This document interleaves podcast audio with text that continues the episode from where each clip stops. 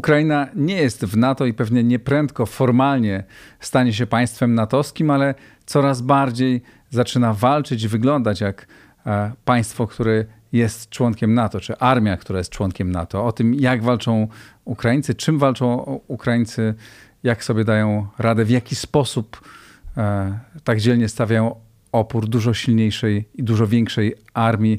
Dzisiaj o tym w Układzie Otwartym.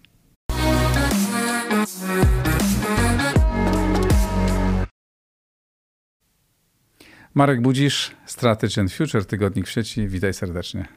Dzień dobry. E, czy jest rzeczywiście coś w tym, o czym e, mówił Henry Kissinger e, kilka dni temu, czy kilkanaście dni temu w Wall Street Journal, że w zasadzie na Ukrainę należy traktować tak, jakby już było członkiem paktu? Wydaje mi się, że to, co powiedział Kissinger, jest ważne, dlatego że po pierwsze, to jest świadectwo pewnej ewolucji jego poglądów, bo on jeszcze kilka tygodni temu, przy okazji szczytu w Davos, mówił, że Ukraina no, powinna myśleć o pokoju z Rosją nawet za cenę ustępstw terytorialnych. To Dzisiaj... wzbudziło ogromne emocje. Tak, zwłaszcza na Ukrainie, bo tam nastroje są przecież takie, że 90% w świetle ostatniego badania opinii publicznej obywateli Ukrainy w ogóle nie chce słyszeć o tym, żeby E, ustępować choćby najmniejszą część swojego terytorium Rosji. Więc to jest to... bardzo, ja odczułem to, jak wiesz, niedawno byłem e, na Ukrainie, rozmawiałem z żołnierzami ukraińskimi i to było bardzo mocno czuć, że tam oni w ogóle nie dopuszczają cienia takiej myśli o jakimkolwiek porozumieniu. Mówią albo oni, albo, albo my i w zasadzie mówi, że tak, tak uważają, tak myślą, wszyscy taki jest nastrój i to w ogóle się nie zmienia tam. No i właśnie y, y, dlatego Kissinger zrewidował swój pogląd, bo on opiera się na przekonaniu, że jakakolwiek, jakakolwiek formuła y, kontroli Rosji nad Ukrainą, po pierwsze, nie będzie stabilizowała sytuacji, no bo sami Ukraińcy nie, nie, nie myślą o tym, żeby pogodzić się z podległością. A po drugie, może doprowadzić do sytuacji, o której otwarcie mówią przedstawiciele władz ukraińskich, czyli do głębokich i, i na wielką skalę represji y, rosyjskich, które w gruncie rzeczy będą miały charakter ludobójczy. Więc w tym sensie również y, to myślenie, które jeszcze wydawało się 2-3 miesiące temu y, w elitach Zachodu, może nie dominujące, ale to był istotny nurt, ono zaczyna podlegać pewnej rewizji. Tu powód jest dość oczywisty, mianowicie Ukraina się broni, a nawet można powiedzieć, że e, przejmuje to, co strategzy amerykańscy nazywają inicjatywą strategiczną, czyli, czyli jakby e, już nie tylko się broni, ale jest w stanie narzucić Rosjanom pewne, e, czy wymusić na Rosjanach pewne, pewne działania, które skutecznie wzmacniają ten potencjał obronny strony ukraińskiej. No i robią to w sposób fascynujący, no bo mając mniejsze, mniejsze zasoby, wyjściowo o wiele, wiele mniejsze, prawda, pokonują, znaczy może nie pokonują, jeszcze nie pokonują, ale e, radzą sobie z tym Goliatem całkiem nieźle. Jeszcze nie wypuścili może z procy tego, tego kamienia, ale gdzie nigdzie te różne kamyczki celnie strzelają. Mówię to trochę jako przenośnie, która ma opowiedzieć o tym, jak jak w nowoczesny sposób Ukraińcy e, walczą i o to chciałem cię zapytać, o ich, takty, o ich strategię, ich taktykę, metody, e, metody walki, które są niezwykle inteligentne, jak czytam jakichś analityków amerykańskich, mówią tak, to jest wojna XXI wieku, to jest, od nich musimy się wszyscy uczyć. Zgoda, bo na czym polega, jaka jest istota tej wojny XXI wieku? To nie chodzi o to, żeby walczyć, jak Rosjanie mówią, web w web, czyli żeby tej rosyjskiej masie przedstawić e, jeszcze większą masę nie tylko żołnierzy, ale sprzętu i, i amunicji, bo tego potencjału Ukraina e, nie ma. Tu żołnierzy być może byłaby w stanie zmobilizować odpowiednią e, liczbę, natomiast jeśli chodzi o zaopatrzenie, o sprzęt, o, o amunicję, to już dość zdecydowanie ustępuje Rosjanom. Ale to nie jest potrzebne, dlatego że współczesna wojna to jest poszukiwanie asymetrii. To jest poszukiwanie, no, trochę tak jak w tym biblijnym starciu Dawida z Goliatem. To jest poszukiwanie słabych miejsc tak. przeciwnika i zresztą robią to obie strony. Bo proszę zwrócić uwagę, że ta pierwsza faza wojny wygrana przez Ukrainę, mam tu na myśli operację rosyjską odpartą, zajęcia Kijowa, E, e, skłoniła Rosjan do zmiany, do, do, do, do, zmiany sposobu prowadzenia wojny. Już nie wojna manewrowa, nie wojna, e, gdzie sprzęty, te zagony pancerne czy zmechanizowane rosyjskie wypuszczały się na, na, na duże głębokości, tylko wojna przy użyciu tego wału ogniowego, te, tej przewagi E, przewagi artyleryjskiej. Po to, Oni żeby... uderzyli właśnie tam, gdzie Ukraińcy byli słabi. Tak? Wiedzieli, tak. że tu mają znaczną, znaczną przewagę. No tam, gdzie Rosjanie mieli dziesięciokrotną przewagę w sile ognia.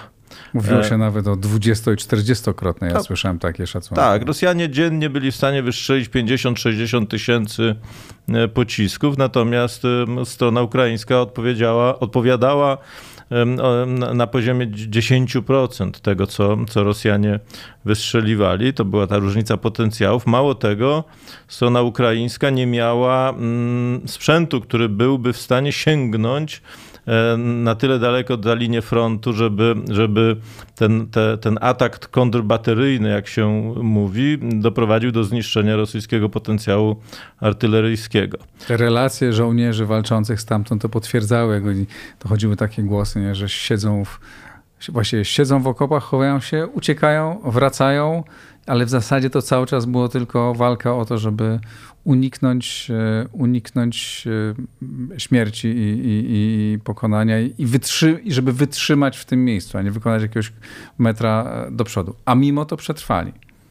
No mimo to przetrwali, ale straty ukraińskie były coraz większe. No, tak. Oleksiej Arestowicz, ale też i prezydent Zełenski mówili mm, w takim, no bo to pamiętajmy, że to jest jednak objęte cały czas mm, pewną formułą cenzury wojskowej czy szczelności informacyjnej, ale politycy ukraińscy zaczęli się wypowiadać, mówiąc, że te straty dochodzą dziennie nawet do 500 żołnierzy po stronie ukraińskiej. To, to jest znaczący e, poziom strat, tym bardziej, że na tych najważniejszych odcinkach były te doborowe jednostki. Te z największym doświadczeniem, najlepiej, najlepiej wyszkolone i one były metodycznie przez Rosjan dziesiątkowane. W to miejsce wchodziły nowe formacje, ale już nie tak dobrze wyszkolone i nie tak dobrze doświadczone, co gdyby ten trend się utrzymał, oznaczałoby, że strona rosyjska no, stopniowo uzyskiwałaby przewagę. Sojusznicy zareagowali, identyfikując właśnie te, te punkty, gdzie Rosjanie mają przewagę, i w efekcie podjęta została decyzja o dostarczeniu systemów o większym zasięgu i większej precyzji rażenia, między innymi HIMARSów e, amerykańskich, po to, żeby z jednej strony ten ogień kontrbateryjny był, był skuteczniejszy, ale przede wszystkim, żeby zaatakować coś, co jest słabą stroną Rosji, czyli systemy logistyczne, systemy zaopatrzenia.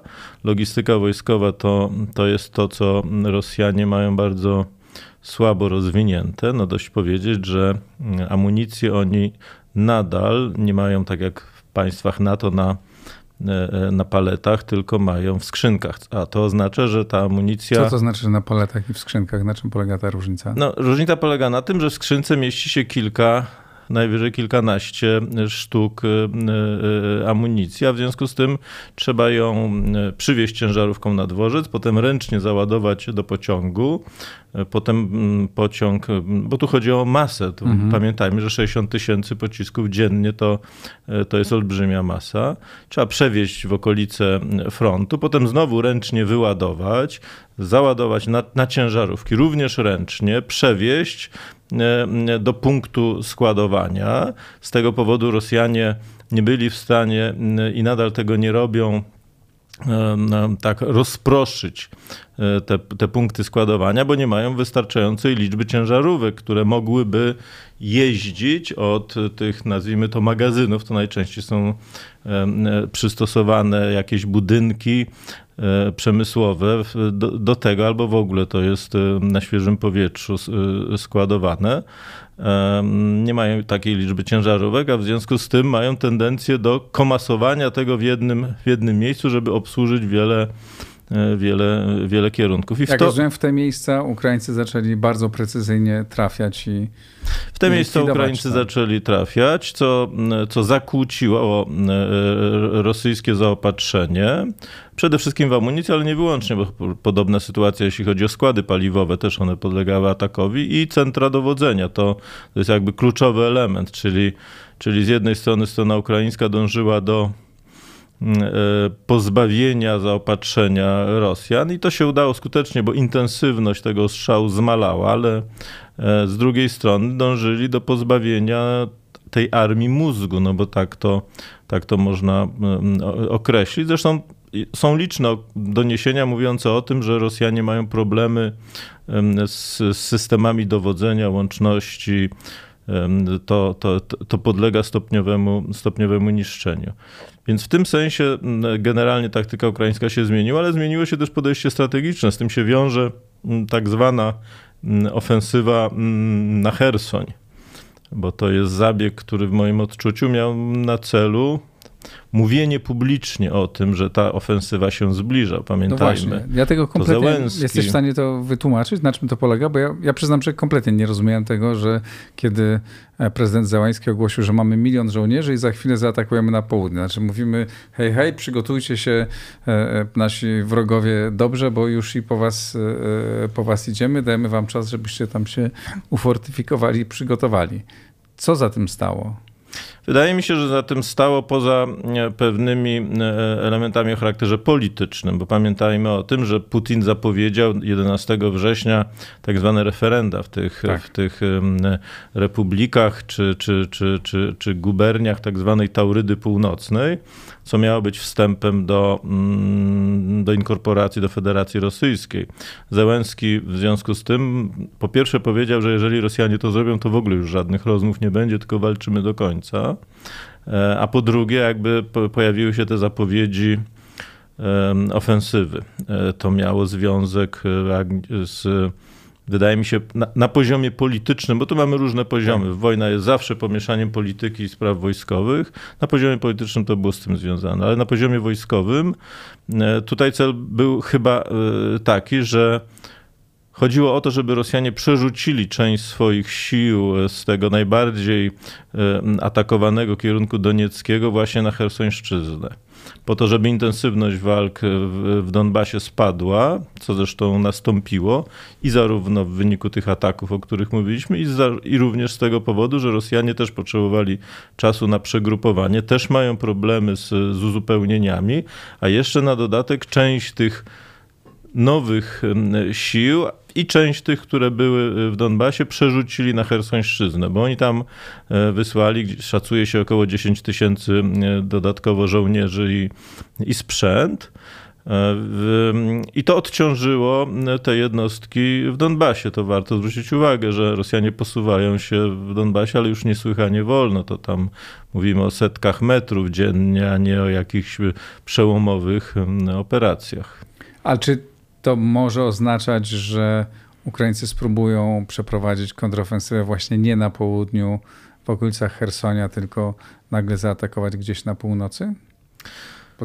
Nie widać tego potencjału, no to od mhm. tego należy zacząć. Znaczy, e, przygotowanie kontrofensywy to jest wielka operacja. To należałoby właściwie zbudować równolegle obok tych jednostek, które walczą i potrzebują cały czas zaopatrzenia oraz uzupełnienia i zmian. Żołnierze też muszą odpocząć. To obok tego należałoby w ogóle zbudować drugą armię i o liczebności, jak się szacuje, gdzieś około 100 tysięcy żołnierzy, żeby można było wyprzeć Rosjan na linię z 24 lutego. Tego potencjału Ukraina nie ma. Sojusznicy nie dostarczają Ukrainie wystarczającej ilości sprzętu, a nawet to portal Polityko pisał o tym na podstawie analiz tego, co, co, co, co sojusznicy europejscy dostarczają, to nawet wydaje się, że od kwietnia wsparcie wojskowe dla Ukrainy ze strony państw europejskich ulega obniżeniu, a nie, a nie powiększeniu. Takie, takie wnioski wyciągnięto. Więc w tym sensie Ukraina nie ma tego potencjału, nie ma informacji, żeby przygotowywała tego rodzaju dużą ofensywę. E, to nie można, tego nie można zrobić w sposób niezauważony. Mnie się wydaje, że nawet na Hersońszczyźnie Ukraina nie ma tych sił, które, e, które pozwoliłyby myśleć o ofensywie. E, pytanie oczywiście, co, co określamy mianem ofensywy, bo, bo jeśli myślimy o takim wielkim natarciu, trochę przypominającym Marsz Armii Czerwonej na Berlin, to takiego potencjału strona ukraińska nie ma. A, na razie pewnie będzie to takie, jak mówi generał Skrzypek, takie punktowe, e, czy pełzająca kontrofensywa, atakowanie w różnych miejscach i takie punkto, punktowe osłabianie przeciwnika. Na, na, razie mamy sytuację taką, że Ukraińcy e, przejęli inicjatywę strategiczną w tym sensie, że zmusili Rosjan do E, narzucili im pewien zmianę teatru prowadzenia, prowadzenia wojny. Rosjanie chcieli kontynuować e, na dużą skalę ofensywę w Donbasie. Działania ukraińskie doprowadziły do tego, że część tych sił musieli przerzucić na Hersońszczyznę. To jest jakby pierwszy, pierwszy sukces, no bo to jest właśnie inicjatywa strategiczna. Po drugie, no to musimy zobaczyć, jaka jest relacja sił. Szacuje się, że, e, że Rosjanie na prawym e, brzegu Dniepru mają około 25 tysięcy żołnierzy już teraz. Mieli gdzieś 15 tysięcy, 10 mieli, e, mieli dosłać, chociaż też są głosy, że oni nie zdążyli wszystkich sił przerzucić bo przecież strona ukraińska atakowała przeprawy przez, przez Dniepr, zarówno pod Chersoniem, jak i, jak i w, Nowej, w Nowej Kachowce. No ale zakładając, że przerzucili, że te szacunki 25 tysięcy żołnierzy są, są mm, prawidłowe, no to mm, Ukraińcy musieliby zgromadzić, żeby myśleć o ofensywie, potencjał gdzieś na poziomie 75 tysięcy żołnierzy przynajmniej, ale tego, a tego potencjału nie mają. To jest pierwszy element. Drugi element mm, ukształtowanie terenu na Hersońszczyźnie nie sprzyja atakowi, bo to jest step. To, to atakowanie po płaskim terenie, gdzie jest się widocznym umocnione pozycje rosyjskie, E, jest oczywiście możliwe, ale to byłoby obarczone prawdopodobnie wielkimi stratami po stronie atakującego. No trzeba by mieć te siły wielokrotnie, większe, większe, również wielokrotnie większe siły, jeśli chodzi o artylerię, tak. czego też Ukraińcy, Ukraińcy nie mają. W związku z tym mówienie, że tam nastąpi ofensywa, wydaje mi się pewną no, pewną metaforą nowej formuły, którą zdaje się strona Metaforą ukraińska. albo po prostu naszą wiarą i chcieństwem, bo chcielibyśmy, żeby to się zaczęło. Ale to się zaczęło, tylko że to nie ma takiej, takiej, takiej formuły, o jakiej my myślimy, pamiętając, jak to wyglądało w czasie II wojny światowej. Bo co zrobili Ukraińcy? Po pierwsze, odcięli e, drogi zaopatrzenia. Tak, to jest e, niesamowite. Mosty pod Chersoniem zostały skutecznie. zbombardowane. E, przeprawa, bo to nie jest most, tylko to jest przeprawa wzdłuż tamy w Nowej Kachowce została też na tyle uszkodzona, że tamtędy nie można się, się, się przeprawiać. Rosjanie ustawili przeprawy pontonowe, no ale jakby możliwości, jeśli chodzi o, o, o transport przy, przy użyciu tych środków są znakomicie mniejsze, nawet dziesięciokrotnie, jak niektórzy, e, niektórzy uważają mniejsze i też można je atakować i zniszczyć. Wreszcie e, Ukraińcy zniszczyli most na już na prawym brzegu Dniepru, na rzece Indulec, albo Ingulec, mam nadzieję, że, że, że, że, nie pomyliłem nazwy, co uniemożliwia, znaczy co powoduje, że te siły rosyjskie, całkiem niemałe, zostały jakby podzielone na trzy grupy i nie mają możliwości albo mają ograniczoną możliwość przegrupowywania się nawet na, tych, na tym terenie, które, które Rosjanie, Rosjanie kontrolują. A w związku z tym, kiedy, się nie, kiedy nie ma dostaw, kiedy wzmaga się walka partyzancka, bo to też jest jeden, jeden z elementów tego działania. Kiedy operują e, siły specjalne ukraińskie, bo to, bo to widać, mało tego, operują już na Krymie, przecież te, te wybuchy, które miały miejsce e, zarówno w bazie lotniczej, jak i e, na składach amunicji, no, pokazują, że, że, że Ukraińcy tam operują. No to oni budują w ten sposób pewien dylemat strategiczny dla rosyjskiego dowództwa. Czy utrzymywać prawy brzeg, prawy brzeg Dniepru tymi siłami, który, którym nie możemy pomóc czy raczej wycofać te siły po to, żeby chronić swoje tyły, które, które są dzisiaj przecież atakowane. Mało tego, jak Ukraińcy rozszerzają strefę działań również na Krym, to zmuszają Rosjan do, mm, roz, e, e, do, do, do dyslokowania tych zasobów, które oni mają, na przykład w zakresie obrony przeciwlotniczej, również na te obszary, które wcześniej były uznawane, mm, uznawane za bezpieczne. Więc w tym sensie, jeśli mówimy o dość dużym obszarze, te siły rosyjskie też przecież są nieograniczone, no to ich koncentracja na, na, na istotnych kierunkach jest mniejsza, bo muszą bronić większego, większego, większego obszaru. I Ukraińcy, wydaje mi się, dążą do zbudowania takiego dylematu strategicznego po stronie rosyjskiej, żeby dowództwo rosyjskie zaczęło wywierać presję na kierownictwie politycznym, że z punktu widzenia wojskowego lepiej będzie ewakuować prawy brzeg Dniepru, niźli narażać się na e, narastające straty. No bo jak nie mamy zaopatrzenia, jesteśmy ciągle tak. atakowani, no to, to tak to y, może wyglądać. No i co by się stało, jeżeli do tego, jeżeli do tego, jeżeli uda się e, Ukraińcom doprowadzić e, do tego, że e, Rosjanie wycofają się, no ale przegrupują się, zaatakują gdzieś indziej. Jaki może być dalszy przebieg działań? Wydaje mi się, że tu jest jeszcze cała masa elementów, o których nie wiemy. Tak. Znaczy, nie wiemy, jaki byłby psychologiczny efekt tego rodzaju decyzji. Pamiętajmy, że Rosjanie już się wycofali przecież z, Kijowa, z okolic Kijowa, z, z z, z okolic Charkowa też zostali wyparci, więc to byłoby z pewnością odczytane jako kolejna, kolejna właściwie klęska. No, teraz jest panika, prawda, znaczy od jakiegoś czasu, nie wiem teraz, ale od jakiegoś czasu jest panika na e, Krymie. Oczywiście nie wycofali się Rosjanie, ale, znaczy wojska, e, ale mm, e, cywilni Rosjanie stamtąd uciekają w panice i dowództwo rosyjskie nie wie, co się dzieje.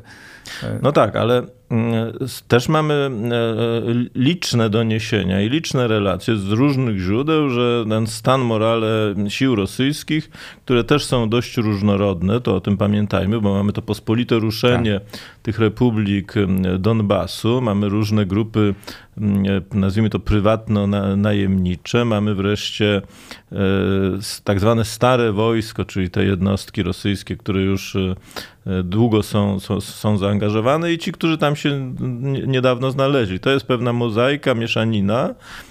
Ich morale też e, nie jest, e, delikatnie sprawę ujmując, na wysokim poziomie. Z pewnością bo co do tego tu właściwie nie ma sporu, gorsze niż strony ukraińskiej. Więc tego rodzaju decyzja o wycofaniu prawego brzegu Dniepru no miałoby ogromny wpływ na, na stan ducha i obywateli rosyjskich, i rosyjskich sił zbrojnych, również z tego powodu, że Herson jest jedyną stolicą guberni, którą Rosjanie opanowali w toku tej wojny. Tak. Czyli gdyby ją Ukraińcy, Ukraińcy odbili, czy odzyskali, no to byłby to niesłychany sukces wojskowy i nie mniejszy, a nawet większy sukces polityczny. No rozumiem, że tu ma, ten polityczny ma olbrzymie znaczenie, no bo cały czas toczy się walka o, o to, kto, które koncepcje wygrają na Zachodzie i czy Stany Zjednoczone dalej będą tak e, intensywnie, czy albo jeszcze bardziej intensywnie dostarczać ten sprzęt, który jest potrzebny łącznie z rakietami dalekiego zasięgu, tak? Czy cały Zachód będzie przekonany, że Rosję należy pokonać, a nie doprowadzić do pokoju i tutaj to jak Ukraińcom idzie ma olbrzymie znaczenie. To, co można pokazać w, Ameryka, w zachodnioeuropejskich telewizjach, co można napisać w gazetach, co, jakie zdjęcia można pokazać, to wpływa bardzo na mm, opinię y, publiczną, a ta wpływa na polityków. Ale trzeba też myśleć, czy, czy, czy, czy, zastanawiać się, jaki jest plan wojny mm, ekipy Zełenskiego, bo, tak. Mm, bo oczywiście mamy do czynienia z retoryką. Ta retoryka zresztą się zmienia, zmieniają się cele wojny na poziomie pewnych deklaracji, co też jest odpowiedzią na, na, kroki, na, na kroki Rosjan. No ale realnie są też sygnały mówiące o tym, no, na przykład Andrii Jermak, szef administracji prezydenckiej, mówił niedawno w wywiadzie, że jego zdaniem ta aktywna faza wojny zakończy się mm, do zimy bo potem będzie już trudno. Minister obrony Reznikow e, też w wywiadzie e, mówił niedawno, że mm, obie strony są już zmęczone i obie strony, obie strony potrzebują wypoczynku, a w związku z tym ta intensywność wojny będzie malała z powodów Ale obiektywnych. trudno uwierzyć w to, żeby do, do zimy ta wojna się zakończyła. A do porozumienia żadna strona nie będzie chciała pewnie doprowadzić, znaczy na pewno Ukraina nie będzie chciała doprowadzić, jeżeli nie, nie odzyska jakichś ważnych, znaczących terenów. No właśnie dlatego mamy do czynienia z czymś, co nazywamy ofensywą na Hersońszczyznę. Mhm. Bo gdyby strona ukraińska zmusiła e, Rosjan e, do ewakuowania prawego brzegu e, Dniepru, to po pierwsze miałaby ten sukces polityczny, po drugie miałaby sukces wojskowy i udowodniłaby również Rosjanom, że jest wojskowo w stanie zaprojektować taką kampanię, która spowoduje, że oni będą musieli mm, opuścić e, okupowany teren. E, to jest raczej taka strategia lisa niźli, niźli niedźwiedzia, który wali, bo ma wielką, wielką siłę, no ale właśnie na tym polega poszukiwanie, poszukiwanie asymetrii. Po tych po rozmowach w Stambule pod egidą ONZ i prezydenta Erdogana w mediach ukraińskich pojawiło się kilka kilka wypowiedzi, na przykład Dawida Rahimi, szefa tej delegacji ukraińskiej, że jego zdaniem Rosjanie po raz pierwszy od dłuższego już czasu, a właściwie chyba od początku, zaczęli wysyłać sygnały, że chcą poważnie rozmawiać. E, media na Zachodzie też powołują się na jakieś raporty wywiadu mówiące o tym, że emisariusze z bliskiego otoczenia Kremla docierają do polityków zachodnich z, taki, z podobnym przesłaniem. Czyli plan polityczny w moim odczuciu po stronie ukraińskiej mógłby wyglądać w sposób następujący, a mianowicie ofensywa na Hersoń, ale nie taka tradycyjna, bo, bo, bo, nie mamy siły, a ona byłaby zresztą ryzykowna. Mogłyby mieć miejsce duże straty y, i ten, który atakuje, a nie, nie przełamuje obrony, jest narażony na kontruderzenie drugiej strony, w związku z tym to byłoby ryzykowne. Ale ofensywa na Hersoń odzyskanie te, tego terenu, pokazanie Rosjanom, że, że mamy y, możliwości wojskowe, zablokowanie referendów. E, I wtedy siadamy do rozmów, ale mamy już zupełnie inną pozycję.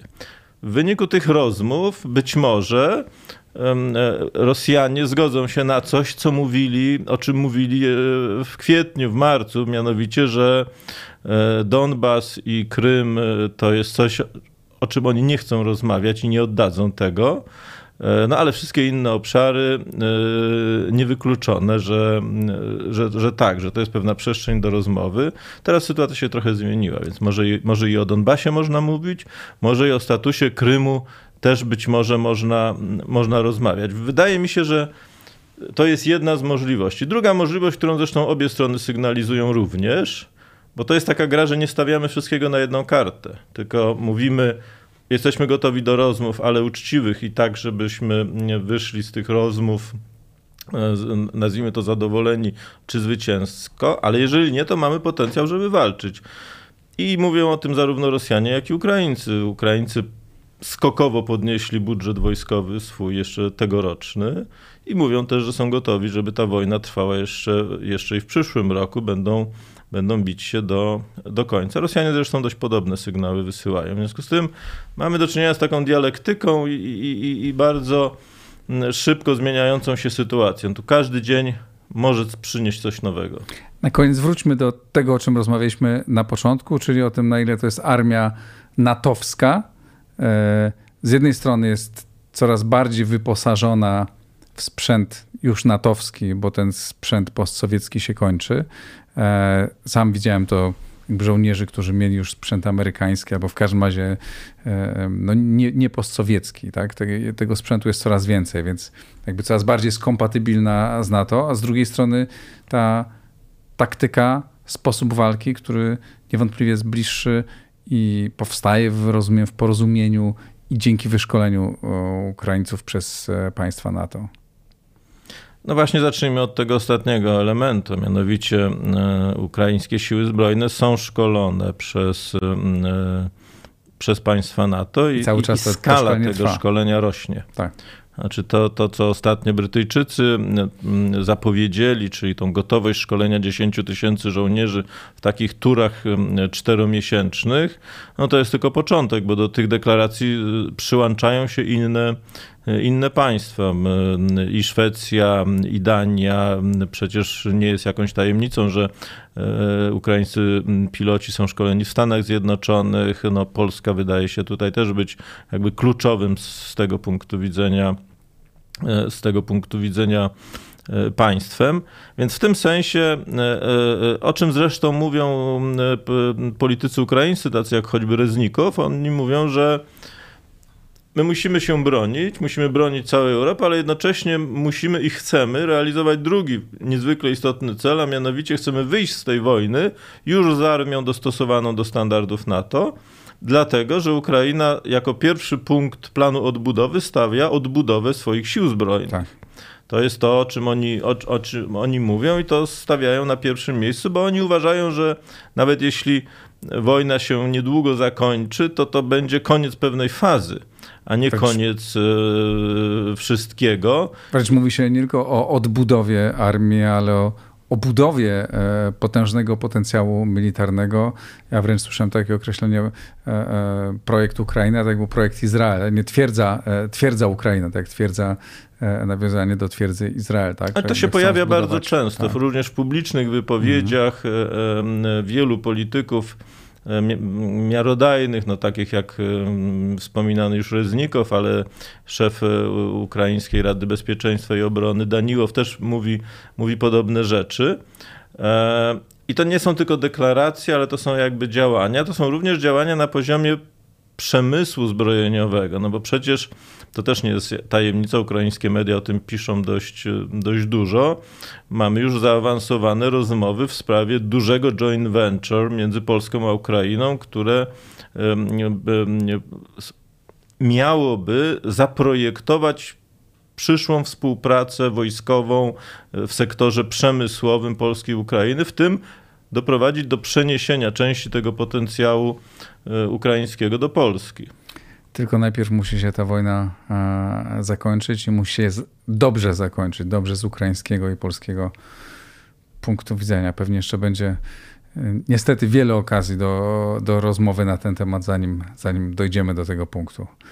No miejmy nadzieję, że już, że już to się stanie krótko, znaczy stanie się za, za nie bardzo odległy czas, ale to jest ten kierunek. Znaczy Ukraina tak czy inaczej będzie państwem sojuszniczym albo w NATO, albo, albo państwem sojuszniczym nie będąc w NATO, tak jak takim państwem sojuszniczym jest Korea czy Południowa czy Japonia. E, to jest przyszłość Ukrainy. Ukraina już się do tego przygotowuje, przygotowują się też do tego sojusznicy. Cieszy mnie Twój optymizm dotyczący czasu. Jestem mniejszym optymistą, ale wolałbym, żebym ja nie miał e, e, racji. Marek Budzisz, bardzo serdecznie Ci dziękuję. Dziękuję. To wszystko na dzisiaj. Jeśli podobała Wam się ta rozmowa, wspierajcie Układ Otwarty. Wejdźcie na mój profil w serwisie patronite.pl, adres patronite.pl/igoriankę. Zobaczcie, co możecie tam zrobić. Zapraszam na następne rozmowy. Dziękuję serdecznie. Do zobaczenia, do usłyszenia.